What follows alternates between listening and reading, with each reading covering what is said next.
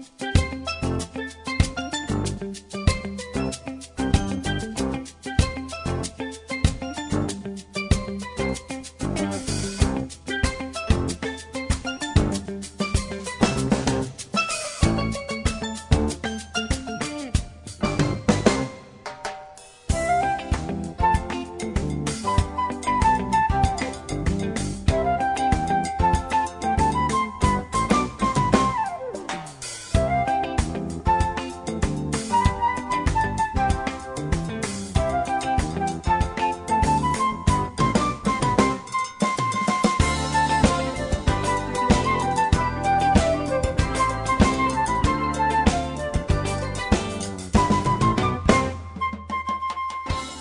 Velkommen til sendingen av Bilge Lund. Vestre morgen er Jesu Ivan Absalonsen, og vi kommer å spille sin rav. Tåna ikke fyrt kom, og vi kommer også ned her og en gjest i studien. Vi er så atter her av Lindene ved sendingen av Bilge Lund. Og jeg har finnet en gjest i studien der, MC Restor. Velkommen. Takk skal du ha. Vi snakker helt utkjente gjester. Jeg har noen data om det her, du er fattig fjorda august 1903, er nummer 4 av 4 sysken? Ja, 4 sysken, ja. Så du kom sysken. Sysken kjær der. Johan er eldster. Johan var eldster. Han er færen, men vi er tru som er etter. Han var født i 1970, 7. desember. Birgit kom godt et år at han var. Og Kirsten kom så løs at uh, hun er kommet om omlai 45, er fem år yngre enn hun. Så det er ikke sånn nesten kruksbøten, jeg sier her. Ja. Um, Johan fortalte meg ennå før at uh, syskene, det var, det var alle vi gjør at det tog oss til verden. Hvordan ble det til? Ja, her har vært et vinerlæt til, til Viereie uh, i nekv, nekv år, og jeg vil si at i mine syskene var fløgt, eller mer eller mindre til, så ble jeg parst av oss her affær ut av bygd. Og det kan det være at vi foreldrene arbeider om sommeren. Det kan det være at vi at foreldrene kanskje, altså i mine fører var det ene for å ta i enda i Badenheim nå. Det var ikke en gang plass for meg å være i. Uh, at jeg sikkert skuld i angstes. Og, og den gamle, han klarer jeg bedre at omvære litt MC. Jeg hadde mamma min heier sin det svært vittet. Så her var jeg i Badenheim nå. Men uh, det har vært et fantastisk opplevelse. Jeg kunne ha vært bygd som til eisisjene. Og da du nå nevner at det her, da jeg kommer til havner, uh, Det har kanskje finnes jeg vite, nå slår det launar, ty at her kom en døde baden i huset. Men i gudset at det stod her, så har mamma fortalt meg at jeg hukte, hver er han kommet fra? Og ta jeg nå, her livet i sånn her nødje tøyen, kjøtt mer gammal, så var det så leis at jeg, da minste baden var blitt så fratt vakse at det neste var vi, så kom det släppa føla hvis, hvis okker sparska inn i bjudgen til mammene. Det var nekka man snakka i om, at, at plutselig var det bein som lukka som prika jeg sindri ut ångstes. Og det var gjør det spennende for det badne som nu var kommet til verden, og badne her blei en parster av Atlon. Og du var fattur en er tøgnmentan, kan man säga. Og en er tøgnmentan. Og da jeg vil si at tøgnmentan, så begynte man jo som 13 år gammal at sveitta, og jeg kom til vaska meg, og vaska meg, vaska meg. Men foreldre som er brukt ikke det her uh, under armen.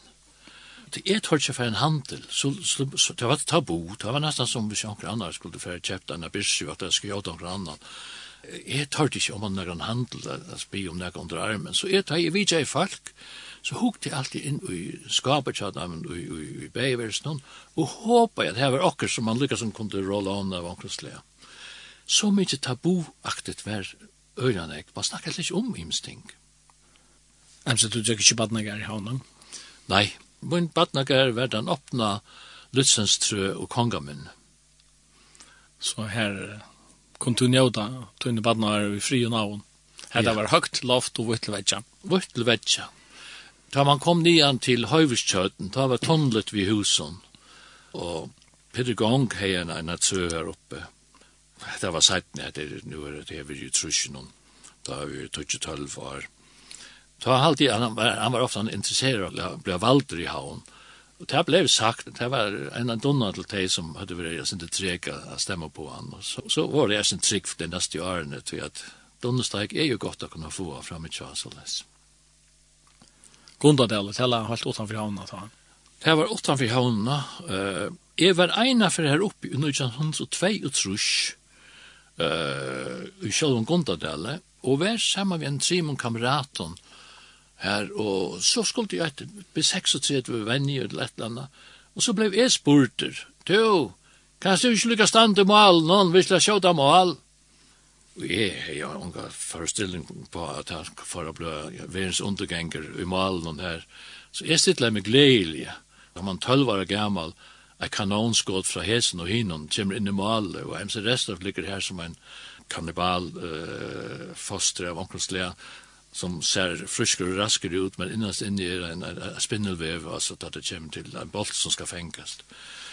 Så jeg fikk sånne blå mestjer her, at jeg har faktisk ikke vært til nærkere fotballskamp, og nå er jeg kjøtt 22 år.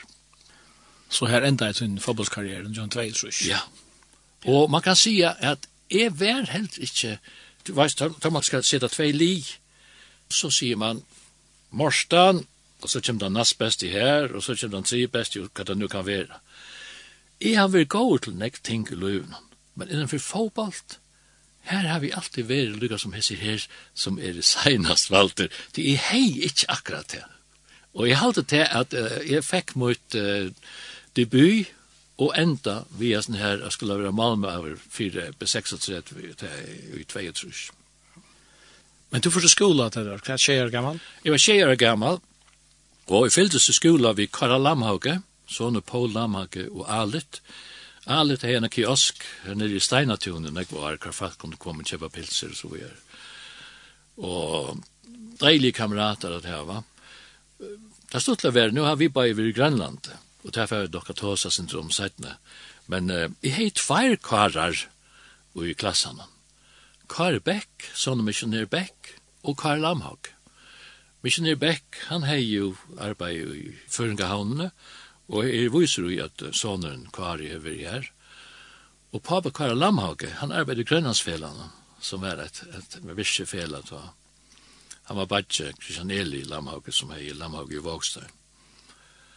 Så jeg har tvær kvarar som heter relasjon til Grønland, og jeg var langt som smadranger fascineret iver jeg kunne suttje onkra svarskvita filmar fra Statens Filmcentral som blei vust i skolan og hver man sa folk vi kajak og sånne. Det var fascinerande, altså.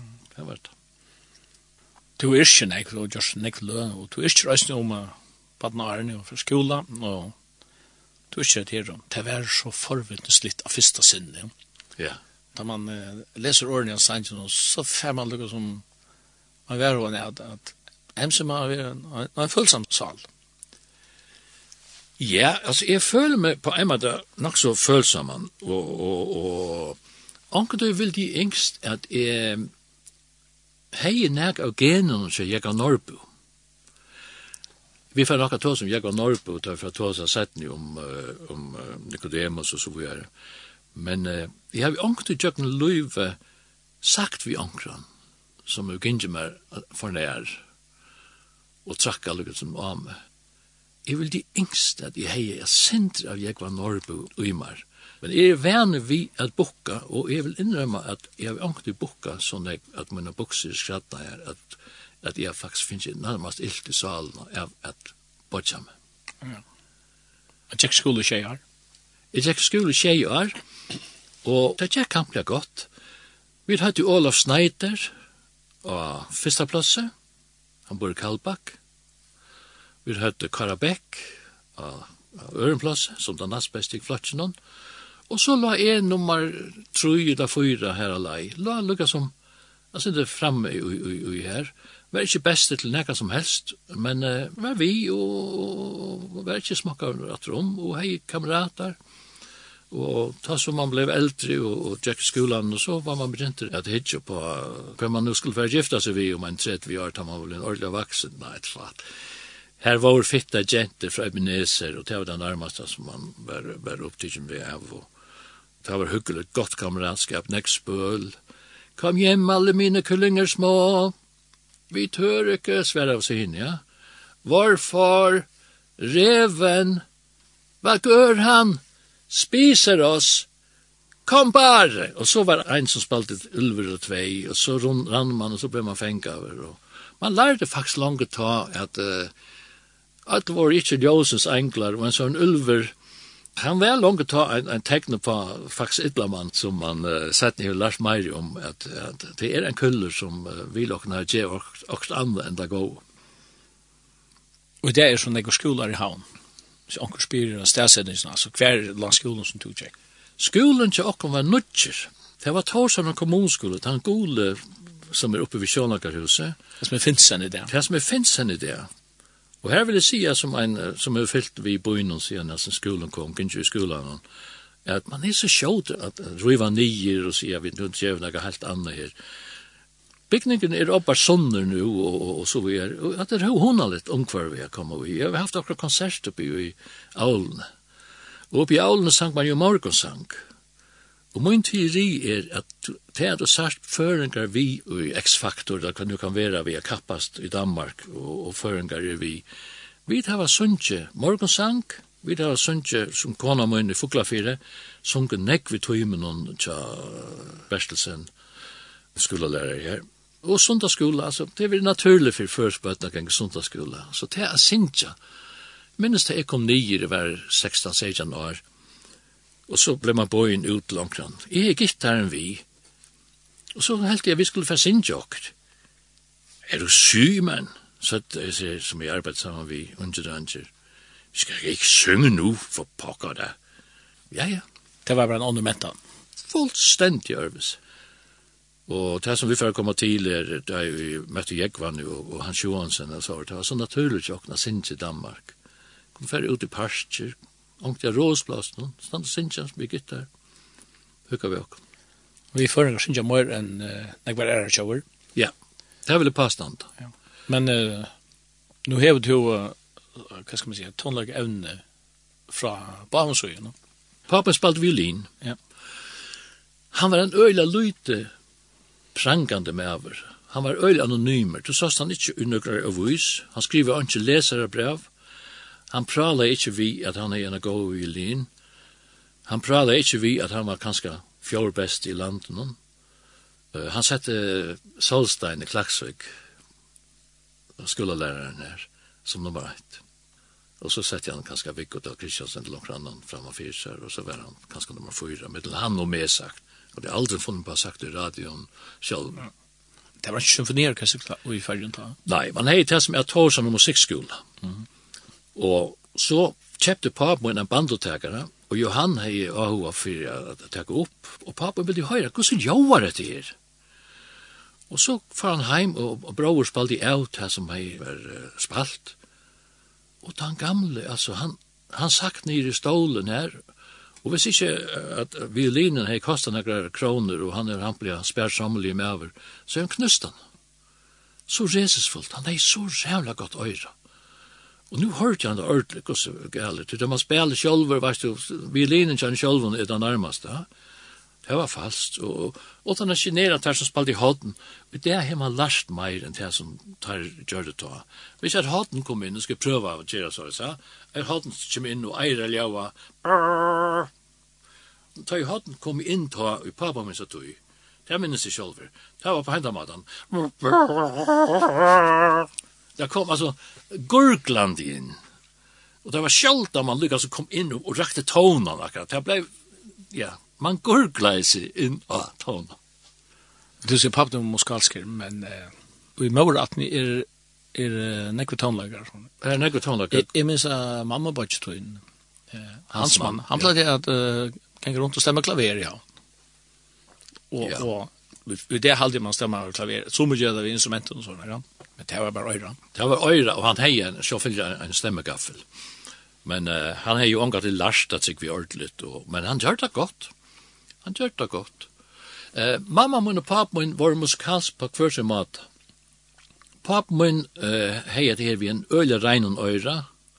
hørte öle gott og falskt hans hans man kunne gott ta en gitar i hånden, han då jag spela på alt, saxofon og alt möjligt han kunne godt ha en gitter, og tømte ikke alle stemmen og åren. Papen kunne bli sveker hvis han hørte et instrument som ikke var stemme. Og han var lukket som Bayert han, som uh, han sang ikke nek, men hvis han sang, ja, si honom takk, så var det ofte han sammen vi okko, no?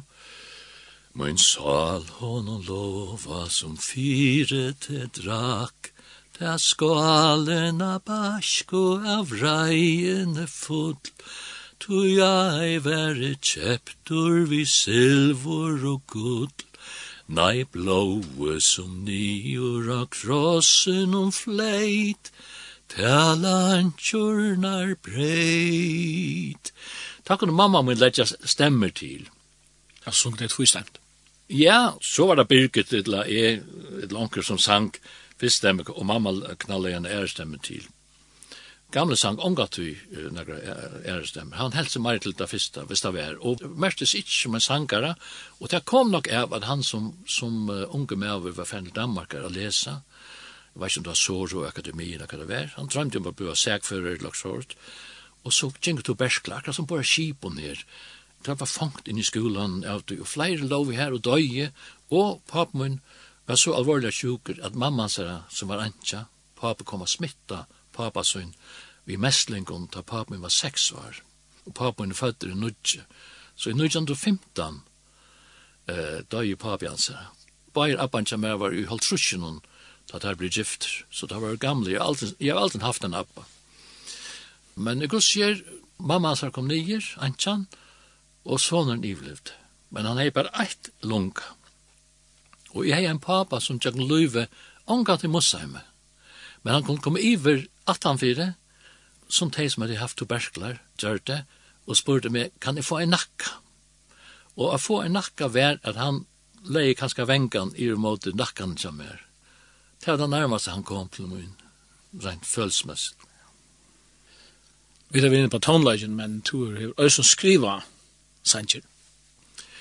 Jeg har skriva sanger, og jeg skriva i den første sangen, uh, 16-16 år gammel, tisja sanger sinji det. Men uh, jeg minnes jeg fikk Jone Godsen å skrive en mandolinstemme til han, det var skik. Lovprys til Jesus som mot hjärsta vann. Dai, dai, dai, dai, dai, dai, dai, dai, dai, dai, dai, la dai dai dai dai dai dai dai dai da dai dai dai dai dai dai dai dai dai da og så kom det att säga där jag ångat jag ångat i just like my version on and the same men han sang han själv og onkel hørte han då onkel och sang kunde jag där tar blinder eller som folk og ödlen för en gång jag var stägen jag vaktade någon så 2000 öron öron för en og och sunju Och som turist. Ja. Sangren føringar er kommet vi i, i, i skrønna tja burranen her. Og det var følt jeg som et heraklapp at, at, at jeg kom vi. Det var kjørt med glean og eimjukan. Jeg er en skeptiker av natur. Og jeg sier ofta med meg sjølvan hvis jeg er ivesutje okkert og, og, og, og gjør en feil eller et eller annet. Jeg har glemt at hette det litt. MC, Du er for gammal til at gjøre feiler og gjøre mistøk. Tun erfaring jøgnen sja 72 år eier at gjøre til en person som ikke gjør feiler. Kan jeg si av meg sjølva? Men ok, ungen er fullkommen.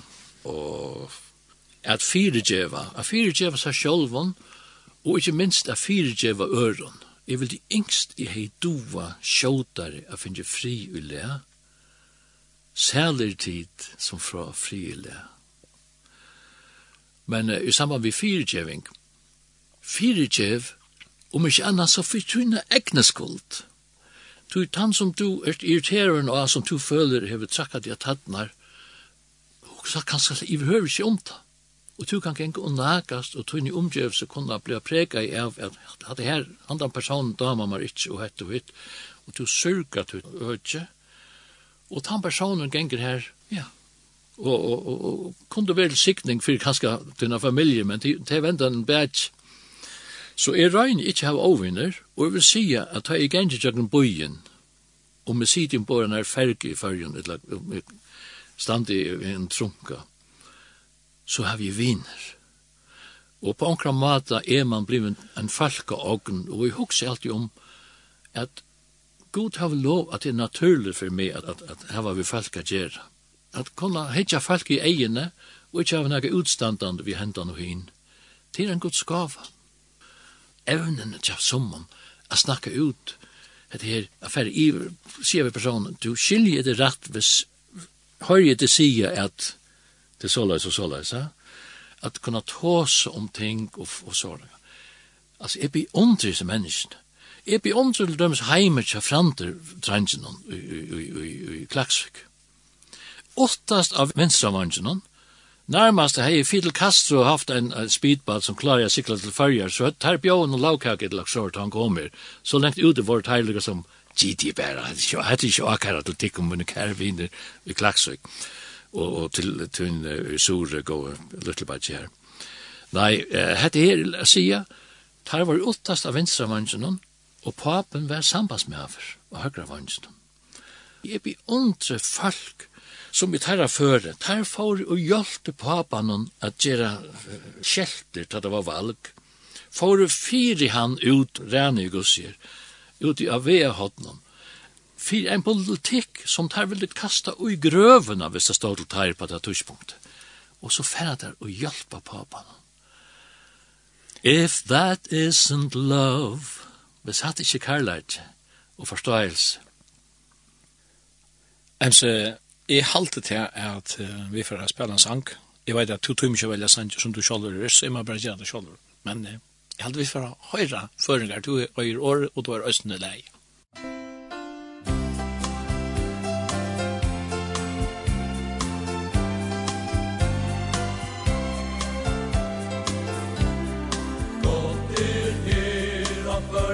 landet Hva vår livas mann om kær Og leita gjetu buja Tu hans nei han bedre stær.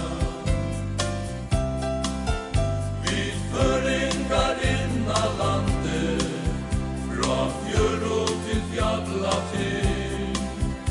Ikkje fast ein smakk med Say I must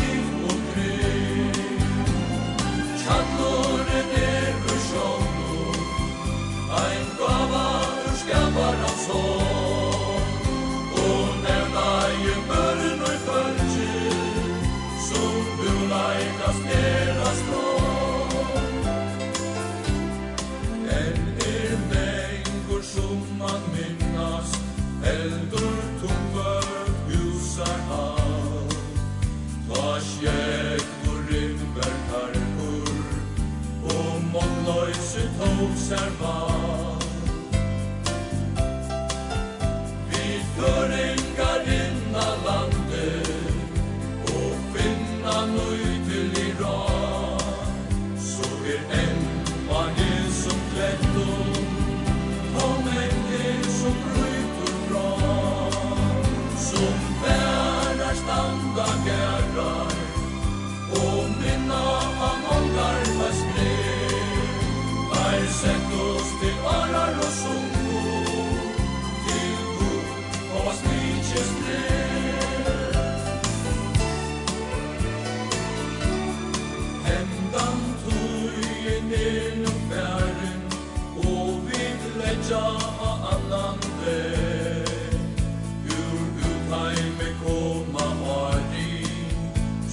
Freudanus minen in meg Vi fløringar inn landet Ein debel og hese vei Mersi fangen nu vandrar Veransen og vinter av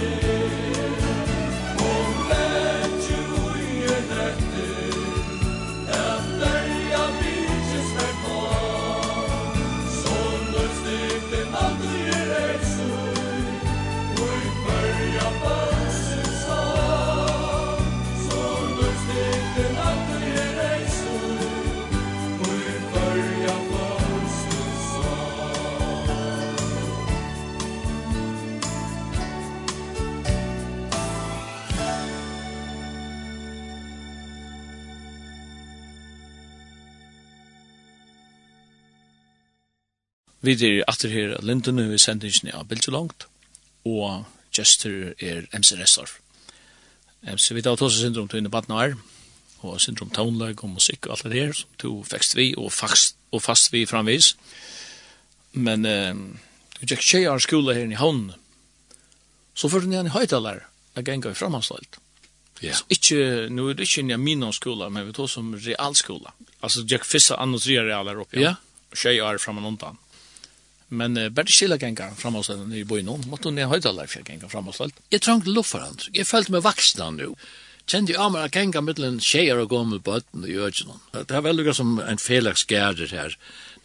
Fremhandsdelten her nere var i det gamle realskolan. Og her har jeg haft uh, sisjen sammen gengande gusser, Johan og Kirsten, og frøkken Kår og alt det her. Bare må jeg enn for sinter sender seiner, han var møtt sinter for seint. Og for en kår var alltid sinter for sein. Og så kom hun her og ser broer standa, og sinter av lukkelig igjen, og kanskje ta sida etter. Johan, du smutter bare inn sammen med meg, så skal vi ordne det på den måten. Ja, så hon var galant vi, vi broer som var fria dronker. Men det ble så tro jeg oppi høydelen. Tro år i høydelen, hver og studenter våre, og det var en annen tog. Skal jeg lykke sige at jeg var venner vi i kommunskland og fer heim til Døvra. Du alt boer mer eller mindre nær vi. Det var Døvra med, og så får man heim, og man fikk med, og tar som lossar av kajene, og tar som arbeider kibasmine, sirenan til kibasmine, han ulte, og så visste du i bøynen, nå klokkan tølv, og så får folk til Døvra. Og så kom det etter klokka natt.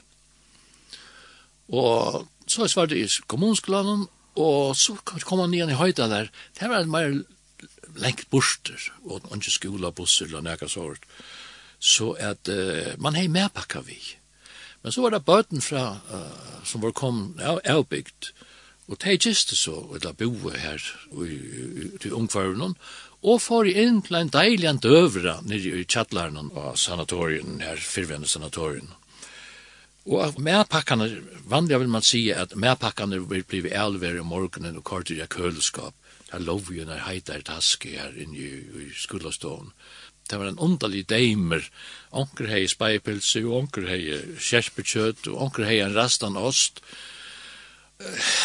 Ja, og lufteren var brukt i flatsen og nær, og Vinden får ikke alltid opp og lufta ut, og det var et getemarked, vil jeg si, se fram, fra min uh, hotellsystemet uh, at, at, at sitte her. Det var ikke gleden. Så allierer jeg med vi ein som hei motorsykle, og som bor i syna Birgit Sistemin, for jeg fjolsa trønn her, og, og så slapp jeg sitte på at jeg honom, og bare til å kunne få en sånn tur, og få med til å ha vi tøltøyna, det var, man sier, godt verst. Ja, ja. Det var en, en god tøy. Man møtte læreren som hadde vært nekv år i gang, og, og lærere som hava, i mine vaksne aldre, vært fynir har haft som, uh, som makkarer, uh, Svenning Tausen, Haraldsen, som bodde bo ut ved Revagæren her. Man kjente ikke heimen, altså. Og Skøtjan, Rahab, ja, det var nærmest det mest av arstige man kunne hava hørt om Og allikevel var hon jo den stjøtnefiguren som tok uh, usalittaner inn og gjør det at uh, bøyeren her Jericho kunne fatla og så videre. Haraldsen var ikke nekker varst i med, men han kunne fortelle allikevel som vi hadde en tyskon, at han er veri av uh, Reberban og konan, og han hadde ikke en tur, han hadde hørt om det. Og her blev konan hans her høya ut av timen som nu var lattlivande som opererar i til Øydsson damer. At hon skulle vekk til hon ja, hon passar ikkje inn i myndene. Så man har det løytsinder om uh, da, da vaksna, Uh, I Fuglafyr held det var såleis at summa søyer i boken blir klipptar ut til som visste nærmast hvordan mennesker er skapt og så videre. Det var alt vekk. Og oppi, oppi i høydelen her, her kunne man tross alt søtja anatomierna og, og så videre, utan at, at nega kom til skia på nega matar. Og, og man lærte så av senter om løyve. Det var ikke med det hver, hver u, u, alt var nærmest utdebatteret av, av, av vaglene. Uh, alt var mer fria litt, og det var mer uh, mystisk enn en, en normalt, for jeg sier det. Så. Og det er man kanskje ferdig hinna grøna? Ja, det er, uh, hva skal papen gjøre det alltid, da han ikke ville hava han jeg skulle sitere seg, da folk kom uh, og kunde säga at vi han till og det farger bla bla bla bla bla hafnia och kanskje ta seg synd ilt om det. Han gjorde en truttmon og så tok han tvær finger ein finger på iver varannan og ein under. og så helt han her Du färt mig inte att säga ett år som kommentar til at han tog frambyr nu. Eh, jeg har arbeidt sammen med Mikael Kåpa, nye Hafnia. Han er et uttrykk som er helt var fantastisk godt. Jeg kan ikke bruke det til nækka. Hvis anker kom, jeg har det til hitt til det, jeg kan ikke bruke det til nækka. Og så vente vi kommande som hei vilja grenje om okkur etla, etla, hett etla hitt.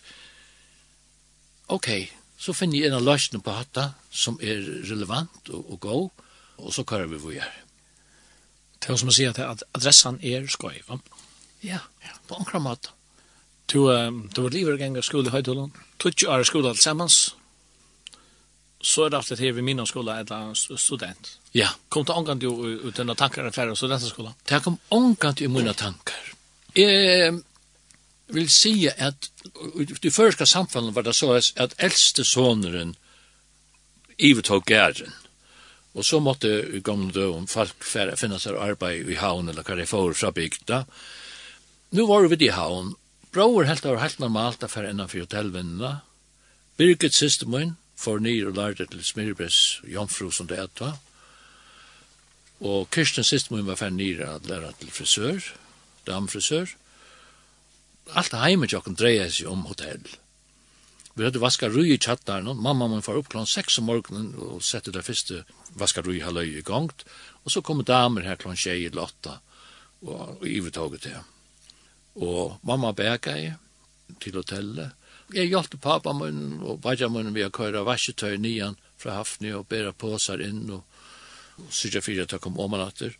Så får jeg oman av Hafnia og ta hver det gamla restarshuset som uh, stod her som en, en flotte bygninger, tidsi nyer og sett opp at det oppi i og allar ovast, i halte en, en, en reinert kjepte da. De første kømerne faktisk vi bæ og, og tøylett i havnen kom ta. Da bygde man en heilan bygning vi nudjum fasiliteten og bygde et panorama, et lite kampfjør at det måtte flotte panorama som, som Smirlein tegnet og nu har gjørst så nøvnene Panorama og Parnassus. Kan komme det fra?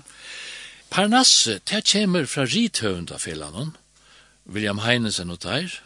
Det er et steg hver hesser her i gamle døven, nærmest fordomstider. disse skalden, fiktive figurer, brukar som hittes av Parnassen. Det kom fra rithøvende av og det ble fengt av gamla. Og man tar seg ofte om til en fantastisk panorama utsynet fra grådbråten och hittar om man nu i bojen ute i Nalsöjten och Nalsöja för Det är fantastiskt panorama kan man säga. Så det är vanligt, vanligt utsikt för utsyn. Det här är ju vunnen slags hävd. Alltså man hör om det utan precis att vi blir kvalt av parnassen. Alltså, ja. Onge för sig. Och det är det hållet havsningen. Det vet öll. Ja, lätt av ja. Ta hemans altan rundan om och sådana så visste det seg at betong i fargen, flatt tag, det er ofte en trubel, det kan sprøttene og så leket det og så videre. Så man vukka i Parnassi og fikk løyve til det. Og tilsvarende her man finner en flottan, som jeg nevnte her, Smirlein i Panorama, størst lokal. Hotellvinnan, det ble så til lustar. Det ble lustarve, da jeg var liver vi smøya rui her, og jeg finner læreplass nere, så får jeg nir. Og starta jeg ut i Gentoft, Her bo vi etja en skjellmanne, Lutzen, over Lutzen. En adelig maver, så les jeg. Men han påstod at vi bare hadde sommernøs, samme boa av nøsene, og ta nøsen til honom og nøsen til mer, skaffa jeg mer fem kroner kvart år han og jeg møttes i fyrjan. Emse, jeg synes vi skal feire av oss nesa, han tar seg et angst. Over Lutzen. Og han var ikke med over. Han har en husbestyrer inte, som er fru Asselev, som var hans skrivstovdama. Og her kom uh, Esu Abekva, i at med av hotellet om, ta i arbeid, og ta i fru, her var i pensjon, så ta i barn her. Og at, at, at han døg over Lutzen, og, og hun får bo her som hun ellers sier, i bo, så var vi dviner lykka til hun døy. Hun var en av den mennesken til som haft her vannlagene, at medvrennere har haft et trobel sinne, og har tidsi luiv i oss her, og døtteren, som det åtte, har haft uh, trobelager ved sinne og eisene, og har eisene tidsi luiv for egnar i hånd. Men hun var en fantastisk kvinna, og hun dotti etter her at, at hun satt seg ikkje, öll korsten alla alla myntunar på samma nummer för jag sitter så alltså han spredde våan vi att att här att här vara ute och lutsen kvällen sväva en sofa om natten av vanliga. Och så har en sån äckne uibo att leta efter i till ankte kunde kunde det komma som man säger en kurva på tråden och så har en stärk för hon kunde träcka sig till bägar och så platte lutsen och är affära till en försoningsmiddag tja henne. Hver vi bare innrømmer at vi sakna kvinnerne i husen og Lutzen brukte meg som en slags fruhold her, at Lille MC, han, han lengs også efter deg. Lille MC, da var det 16-16 år. Og så langt var det nere? Jeg var nere her i 3-4 år. Jeg var 20 år til jeg matt. Og arbeidde i Agentoft Hotel, som det første hotellet til Arp Hansen, konsernene som i det eier en kanskje 25-30% av hotellen i København.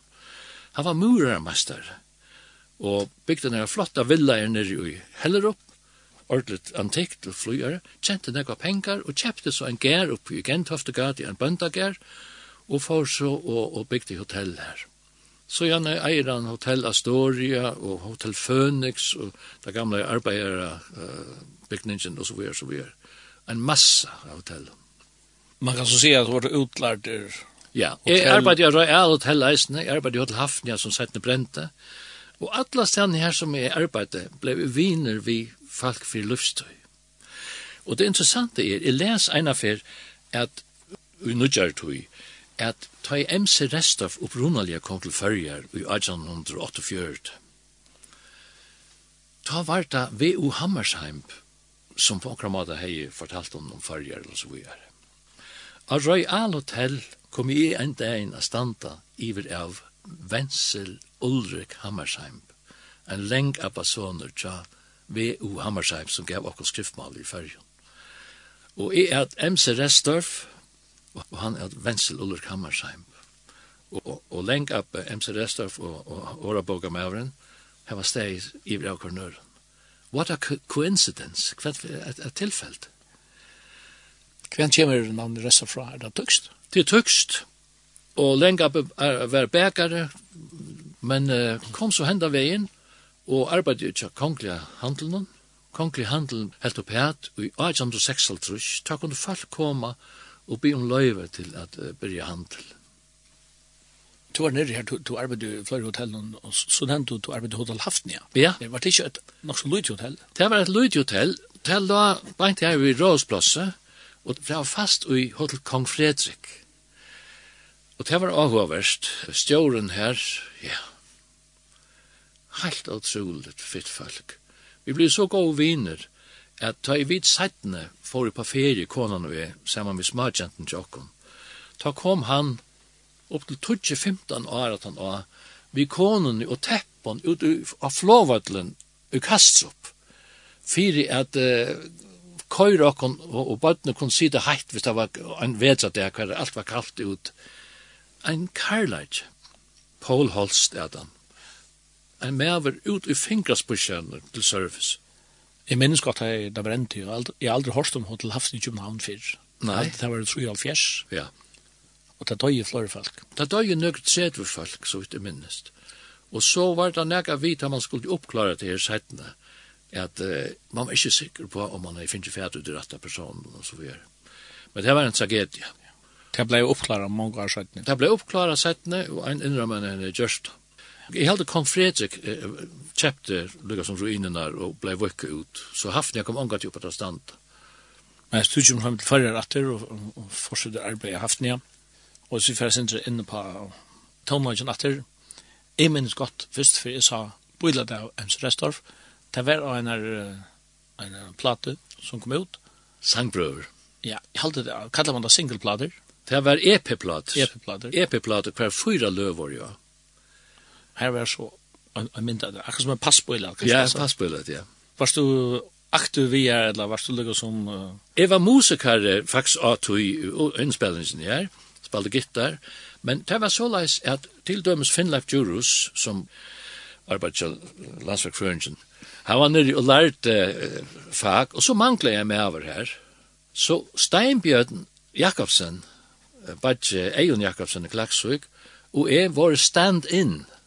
Det vil si at vi kom og tog i oppgaver, og jeg kan minnast jeg var i Klaksvik og Sundtje. Øsser var lukket som den faderlige figur, altså han var lukket som papen og, og, sånn her.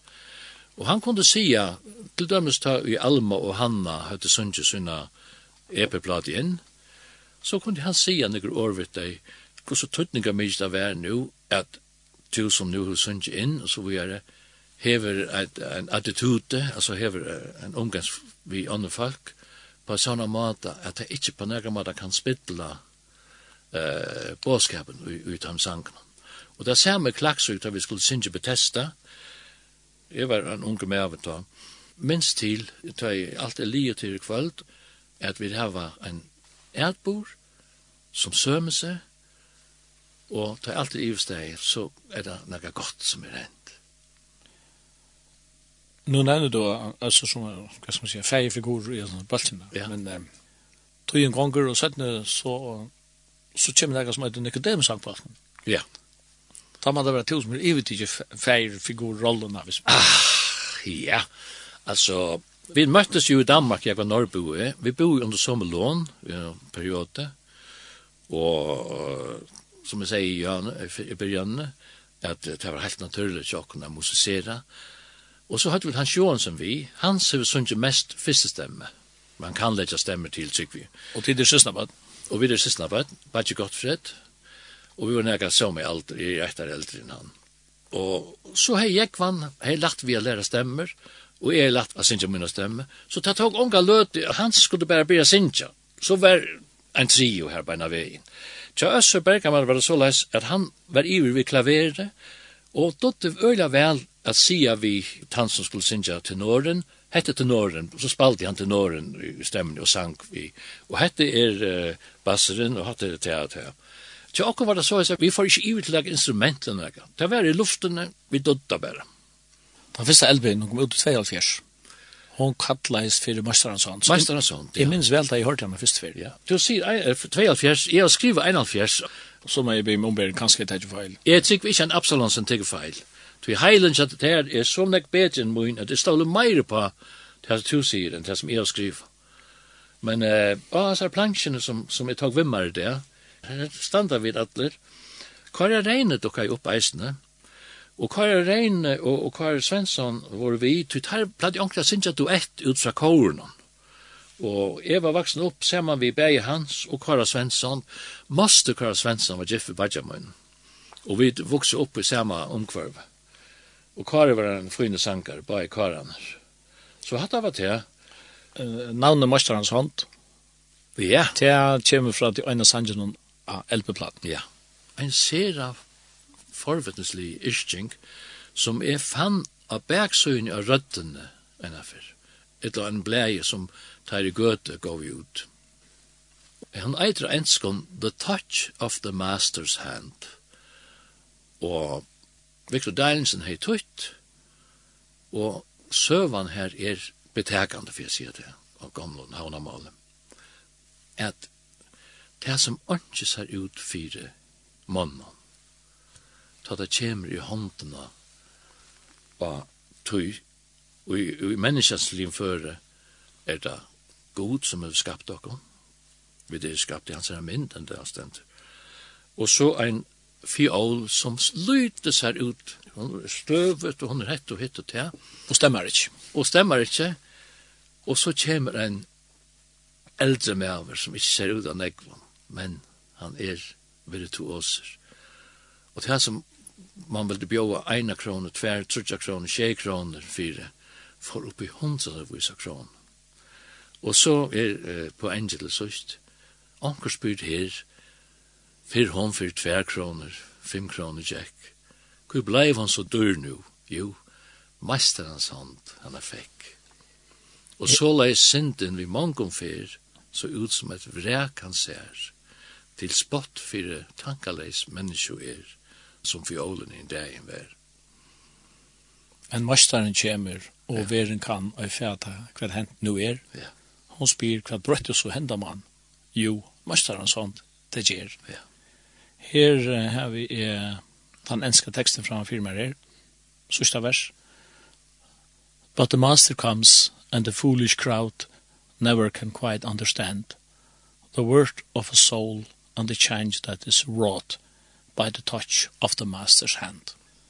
Det er en uh, sterk mynd som er brukt, og det er også poetisk. Øyla godt. Hever høyt vil. Og to hever kjørt leie til. Jeg gjør det leie til da, tog at i det velte man for inn av YouTube eller et eller annet, og funnet leie, og så er man helt hildes til det. Og i 1971 tar jeg at her henter, at jeg sitter her, vi er en morengse fra Fossa, bant vi søgne av Havna Klubba, begge rui.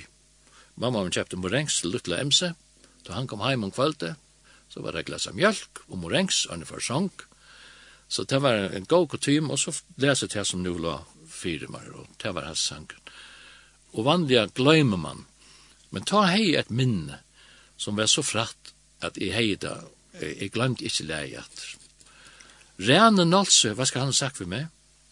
Om jeg så bare har gjort hatt av leie, har jeg vært en glede med over det. Men da man da ser det vel, jeg har ofte spalt av den. Jeg har alltid hatt det er og meddelig flott leie til å gjøre Men jeg kan tenke meg spørst, vi kan spille den nå, jeg har lyst til det som sannsyn fra 22 eller 21, som du sier. Ja. Men uh, her er en violin inni i. Hvor spiller han da? Det spiller Christian Dahlrester, papen min. Ok. Og papen er hese mævren som ikke for bløyene, og så videre. Og så sier vi han, uh, ja, vi skal se det at til prent, vi teksten og forspiller og alt det der himmelska, og her stender at Altnia Reine spiller klaver, og Victor Carlsen spiller orgel, og så videre, så vi er. Folk fer at spyrja, hver er det som spiller seg vilina? Og tog er det helt naturligt, og sjølvsagt at navnet ikke at her kommer av. MC, hvis du sitter navnet til mer av her, så kommer han den platan ikke ut. Nå, kommer ikke ut? Nei. Du er kjeipi alt oppleg, så kvart som det kommer til land. Ja, men uh, hvis vi så tross at det, ja, da neste oppleg kommer, så fer jeg til tar som gjør det ut og sier jeg kjeipi alt oppleg. Så sier vi han til uh, jeg vet ikke større penger du hever, men det kan bli en ekv til, til, til samans. Og så sier han, så fratt ei, jeg, jeg kunne klara det. Jeg sier halde jeg vil for å lurte etter Touch of the Master Sent. Mesteren sa han, hun kommer her fra 1922, eller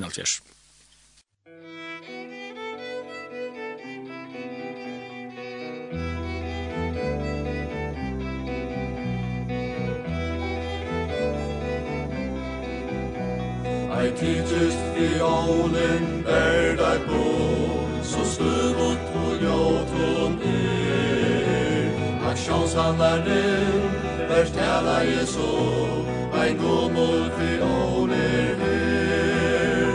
Han hektana o, ein båpa mer, han smultest for bojur nu.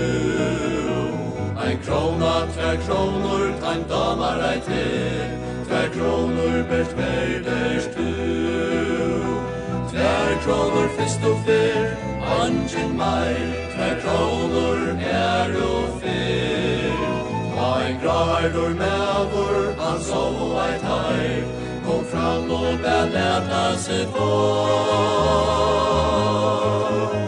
Der kom du fri ålena Han hella feg Og stemma i strangilar vel spaldi at lær Som til hjørstum vi tjekk Som ein glas ongur og spær Nu tagna i spæle og vi eine rød Som pipra i rørd og lag Aksjonshandlaren lette bøygda hød Og seie kvart på skalle folk tusen er bojen og hver sigur tvei. Tvei tusen hver gjer ta til troi Tvei tusen og fyra, fem, seks og tjei Og så falt ta hemmare noi Hurra, og Er hon fyrir tver kronor tjei Vi blei hos og døyr nu og svære er mästarens hand denna fär Och så löj synden vi mångon fyr Så ut som att bräck han ser Till spott för ett handkalles människor er Som min dagen vid ålen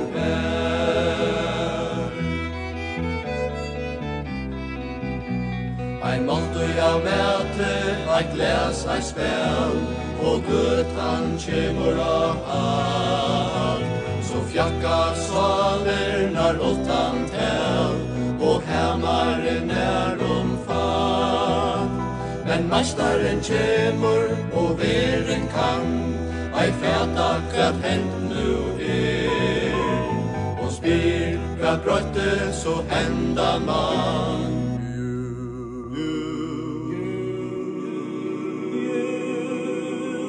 Meistarans hånd tætjur.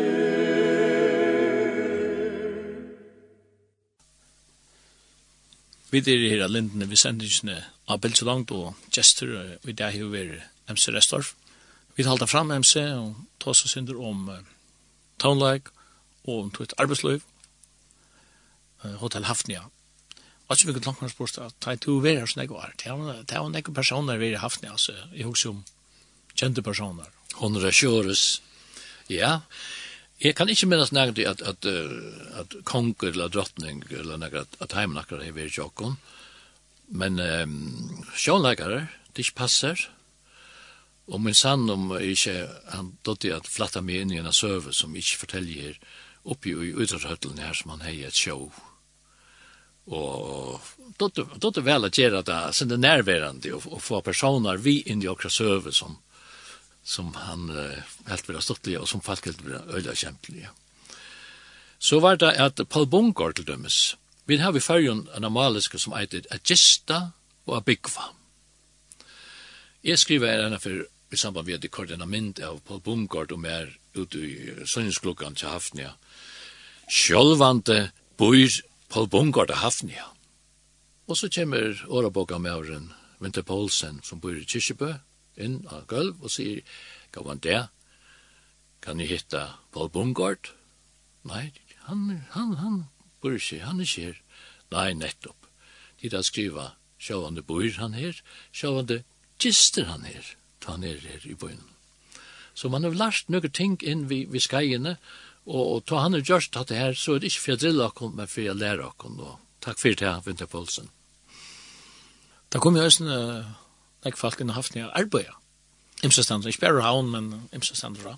Ja, da kom nek inn fra Øtland bygden. Nå tas vi om vera i, og, og sikkene var ja vera i, ta eva føtter og så videre. I Klagsvik var Rosa og Søren av stangen. Og de hadde trudja døtrar og flere siner. Og først kom den eldste, hun hadde Jastrid, Og til hun tatt tøyna ta i Mjerkadals folk, NATO-folk komme, og en NATO-maver, hun ble gov, og det enda vi til giftest, og om det giftest fargjene til Amerika, helt det lukka vi det var i Amerika. Så her får en klaksinger til Amerika, og det her hafnja seg skilt på en måte, kan man sija, hvis man skal akkera nekran. Nå, men så får Torger, den nasta systeren, av vidja systeren i Amerika, og en, en svaver henne, hei en kamerat, Torger og kameraten ble gov, så nu er det neste gift i Amerika. Så fyrt lukla systeren, Mellan til Amerika, av vidja systeren her. Og hon ble forelska, og så var den tre affæren her.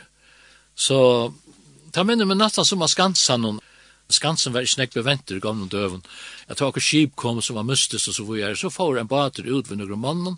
Ta kom bare omgat i atter til at det ble tykkende fengt. Og så får det som var etter, og vita hver blir hinre av. Og så blir her på noen bor, og så blir her eisen til til feng. Til enda seg kanskje ein etter som kunne sløtja ljøse, og, og så var bøyeren åpen for, for sjårene. Og på tammal kan man si at vi tar levera det er godt til Amerika. Det vil si. Rosa, hon kommer jo via deg. Ja, hon kommer via deg. Og lagnen er speisem, Rosa i, i Fuglafyrre. De miste papan, han drukna i en arbeidsålokk. Og så ble bøten jo sendt til Erabygder. Rosa ur Fuglafyr for til Vereis. Og vær middel det som falskene som er sættene, og sisken som er sættene, var det samme vi. Det stemmer vel, til at uh, mamma min, hun, er foreldren som er i Beia Vereis, men ja. hun og Rosa gjør svinkoner her når. Okej. Okay så jeg finner det på plass. Det var et, et deilig andalit omkvarv jeg var i, og det var jo nekve menn som var ute i haven, og her har vi vært henne av at kvinnerne tog store apert, og alt godt at han visste ikke for å diskutere om kvinner skal tige. Jeg vil si at det har vært øskekalt nekva stedene, hvis kvinnerne ikke hadde tige bøyblene fram, og lyse og lærst. til mennene var bort til skips, og lenge tog, så vi kunde färre om detaljer i Nekvon og, og om tøymavis om, om Tanlag og Hafnia og Kvarsa Sund. Men jeg og hun er færre innan et halvt annet evne. Du er blitt natt, jeg vet ikke om jeg sier at du ble en sjåmær i Arnum. Grønland,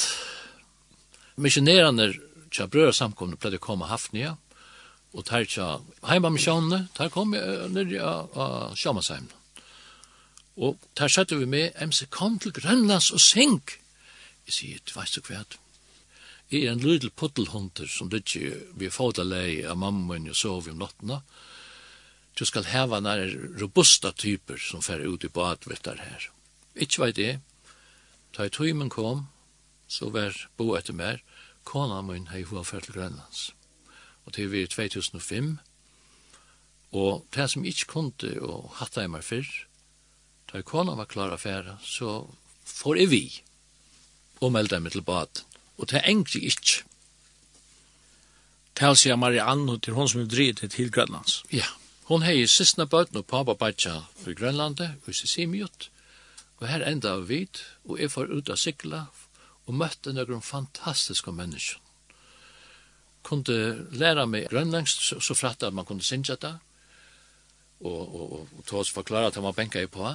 Og medan onker annar som var vi, sier, er så benken til for ivelanda fremmede hår og benke på, at for det kunne det være en brølande løva som stod innanfyr. Og til løten lad horen opp, kom hon ut og skradde meg opp, så tro på hva det for som. Jeg har møtt noen mennesker, kan eina seg der i min løyve Så mer er å møte en nødvendig falske, det ser man som å møte en som jeg snakker vi flere for før. Så jeg får åpne denne hår her, jeg vil si, hvis jeg hørte råp, altså malgreipen inne, da jeg får inn av bjøva, så kunne jeg ikke huske meg om, hvis det var slagsmål i laksjårlaga. Men det var ikke vanligt, altså, anker høyrøstet, kan man si, ja. Og det tog jeg alltid vel mot meg, man hei som lyttet sagt at vi, ein tog hukte på meg, Og så skratte han papyr så løyde som det kunne være. Og så rette han meg til iver og leide i hånden som er rett. Han hukte meg i egen etter tøyene. Og jeg hukte på han. Jeg sier, må Jesus være hos deg. Takk. Og så får jeg sted. Har det vært en grønlendare? En grønlendare. Som, han virker som han var blant av, altså han er halve danskar i Loksvall, sikkert vi. Han sier han ikke, og jeg halte sier Jesus elsker deg. Og så får jeg sted. Og jeg lette meg pura, altså, jeg var oanfekt av, for jeg sier, bruker det dansk år. Oanversk av. Grunnen er at tar elsker sang. Tar elsker sang. Og tar klarer alt jeg synsja. Og øylen jeg heim har et keyboard. Og her er det ofte mamman i husen som dår å spille på det keyboard keyboards at time on have dum dum dum dum dum dum have inbyggt rytmer. Og ta, ta mamman teker og trøster nir opp ein bass som eitir A til dømes. Rum ba dum ba dum ba dum ba dum bum ba dum ba dum ba dum dum og så det og dum ba dum ba dum ba dum ba dum ba dum og så og bum dum ba dum ba dum ba dum bum. tell vil at du, du, rører vid trutja tangentar men du kan synja nekva sanger som er i utøy her. Og så då det jag tusen procent han knappt tar i trumman skall ta i tar man tar för i till nila i. Är det bidi bidi bidi ett eller Njum. Så vi en och fängri i sen kan du få ett helt orkester på spel. Det då var ölen ek. Og grönland er musikalsker og tar i et vinalet folk. Uh, man helter av dem og teir halda eisen av det her. Danmark er herrafalkje som bei føringar og, og grønlendingar på omkring måte føla at teir har vi ui så smart kanskje ta i man skulle ta seg terra mål og hett och vitt. Er du snakka turar du just til Grønlands? Jeg har alltid kjørt tølv turar. Er du nekkan silt mittlen færjar og Ongat, men jeg har silt mittlen færjar og norra. Og det var tog at juvel ble brukt av Svenninga Loftju i Øron som hava Atlantic Mission. Og ta var vi i norra, vi hadde tvær navigatører som love, love og ikke klarer å standa beinen til den ruttleisutla. Og ikke a reipa, og jeg var ikke a reipa av, men jeg ikke og servera og gav dem vatten og hva det skulle være. Den tredje navigatøren som vi, han stort Ja, det var tolv for Grønland, så det var nok så vore Grønland. Det var i Norrgrønland og Vestgrønland og, ja. og Østgrønland også. Ja, Men jeg jeg, jeg har ikke vært helt her når vi tole. Til for en ein turer av Gjørter, helt når. Jeg er til opp og så av bygdene når et Trandaveien. Og diskobukner. Diskobukner, ja, ja, ja. Og at møte tryggvande falkon her, eh, det er øyelig enslig. Og det er en øyelig fast tradisjon. Tingen er på en bestemt måte. Det er det som heter misjonshus missionshuset, det er normen og er som tjøkken og ærene onker danskare som er kommet til Grønlands og heva uh, prædik og året, ofte han er pinsamenn. Negv innelig tryggvande folk er i her, tryggvande i her, det er sauna i, de uttrykker en større glede enn vi dova. Vi har lukket som en maske som vi sitter på, og henne er nekka så fru og så videre. Og her var sint av, av orientalskon, og gjerne på sånne misjonshus, kan godt være en trutja damer som har et lite flagg kvar, eller en vimpel, som der vifta vi i takt vi, vi tonleitsen. Man ser nesten fyrir seg, sint av, av sånn her, i Hawaii, hver man heier, nega lukna om det tøy, folk av virkelig. Etla med jötar. Etla med jötar, kanskje, ja. Du er så ofta nere i, hvor så ofta konan vi vi? hon är vi, uh, ja, chefer kanske, eller så rätt. Och så är det ångt i inte har vi haft hoa affär eller så där så inte inte akkurat fast med motivera igen. Så jag sagt vi henne gå är vi så ofta ni här ensamatler. Fär du omkring tur ensamatler? Nej, där är inte. Det ska vi. Det är så fint att lukka. Så tar det där vi så ofta ni här i så, så man, som man säger, Ein pastor Grønland er, er ligger i salen tjadikon. Ja, det er gjert. Altså, vi bia for Grønland, og vi er takknemlige for de mennesker som, som er i her. Vi, det er sørste nå å være i Ester Grønland, her som uh, Nesvang og, og konan, døtter hans... Miriam. Miriam. Jeg sørste den innsats som er gjørt Bøyren får i undantaksstøve, bare når vi kom her, det er lakk. Tog jeg det var sånn sjølmor, og så er. Og så var det sånn ene dronkeren her, eh, tvær dranger av møte, tjåkon. Og så ble en bestemte sanger søntjen. Og sanger betyr han ikke for det grønlandske folkene. Hese drangen er ult av pøyne. I vi sørgjene. Anna hennes mamma og anna hennes pappa. Og tar var fra kvarsen heim. Mm Og så får vi å møte etter hver hese her, ungbøtt våre, og så var det ene drankeren som hei ordentlig haft på inne. Så ikke han sitte her og, og være mittelen jaunløkar. Det var innelitt. Og så var det ikke samtaler som, som Miriam kunne ha, og, og hvordan de tog jeg, hadde jo omkring i pleie som manglet i et, et, et, et tryggleik og så videre. Jeg synes ikke at det er grønlandskund. Nekv. Vi synes ikke heima til åkna grønlandskon, men jeg kan uh, ta e opptrekk i fyrjun, altså hvis jeg gjør her vi er, er parter av omkron stand opp et eller annet hver, hver jeg synes ikke og spiller og, og, og forteller, og så, så greit ikke at jeg synes grønlandskon. Hevd hevd hevd opptugger av hver tid synes av grønlandskon? Nei, jeg har ikke akkurat noen opptugger av grønlandskon, men i linden det, jeg kan sånne, du har funnet akkurat fram, og hvor ikke jola sange nu, vi at det her er sånn det jola lett. Kom du bli sange,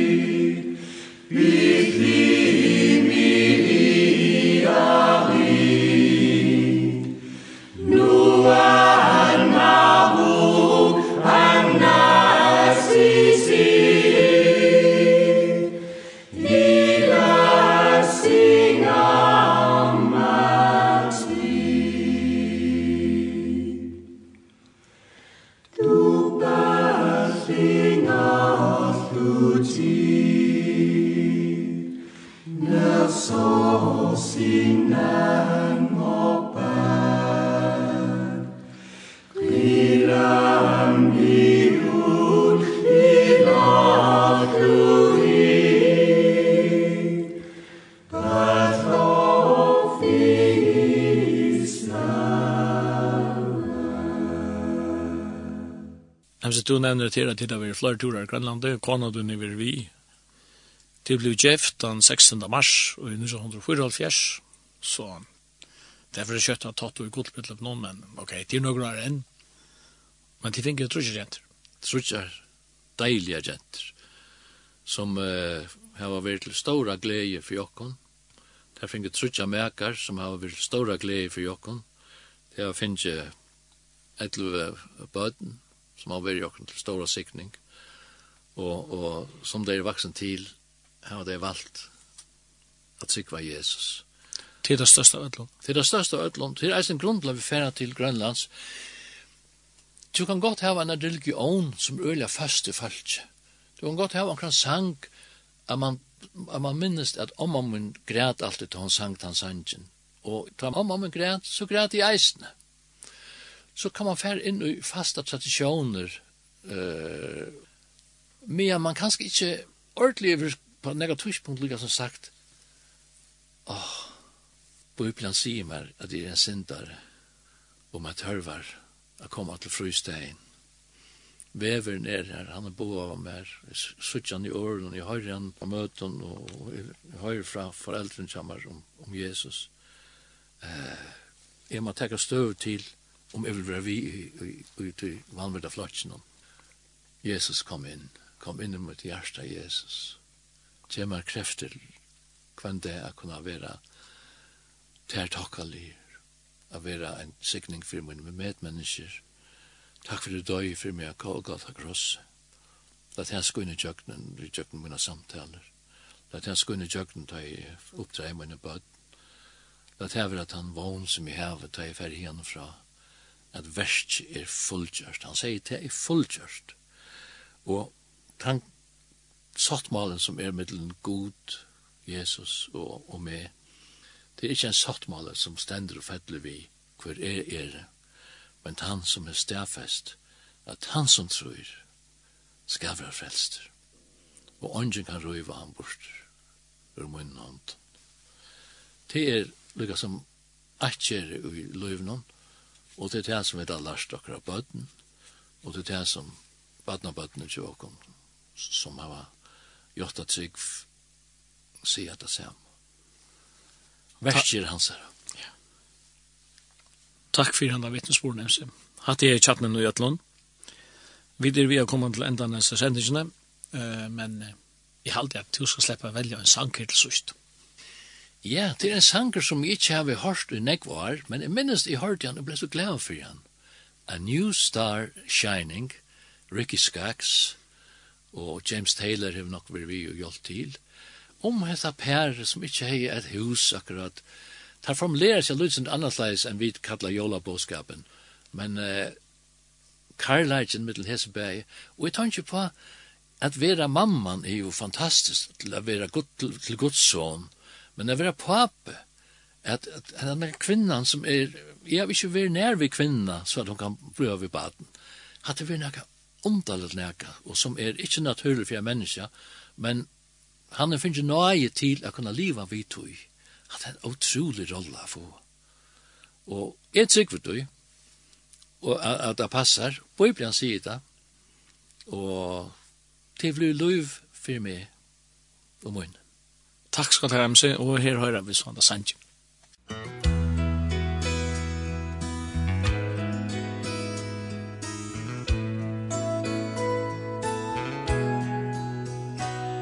They didn't own a house. No crib, no toys were waiting. Still, they had their love for the child they were anticipating. He was born one winter night on a road between two towns. They wrapped him up so warm and tight and said it looks like heaven's come down. There was a new star the sky up above. By his light that winter night They found peace and perfect love. If we want to find it I know we always will. Cause that new star is shining still They worried how to feed him. Simple trade was all they knew. It was hard enough to make ends meet When they were only two. But the cold dark and hunger couldn't take away their joy. And she knew that they would find a way for that precious baby boy. There was a new star shining in the sky.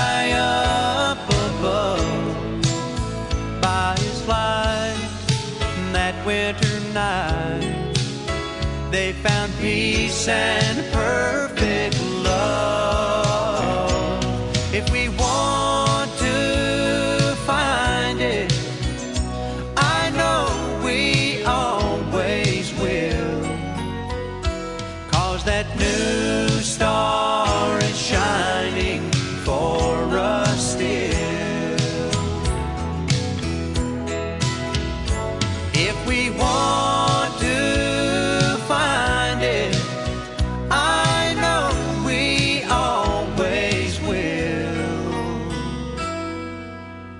Cause that new star is shining for us still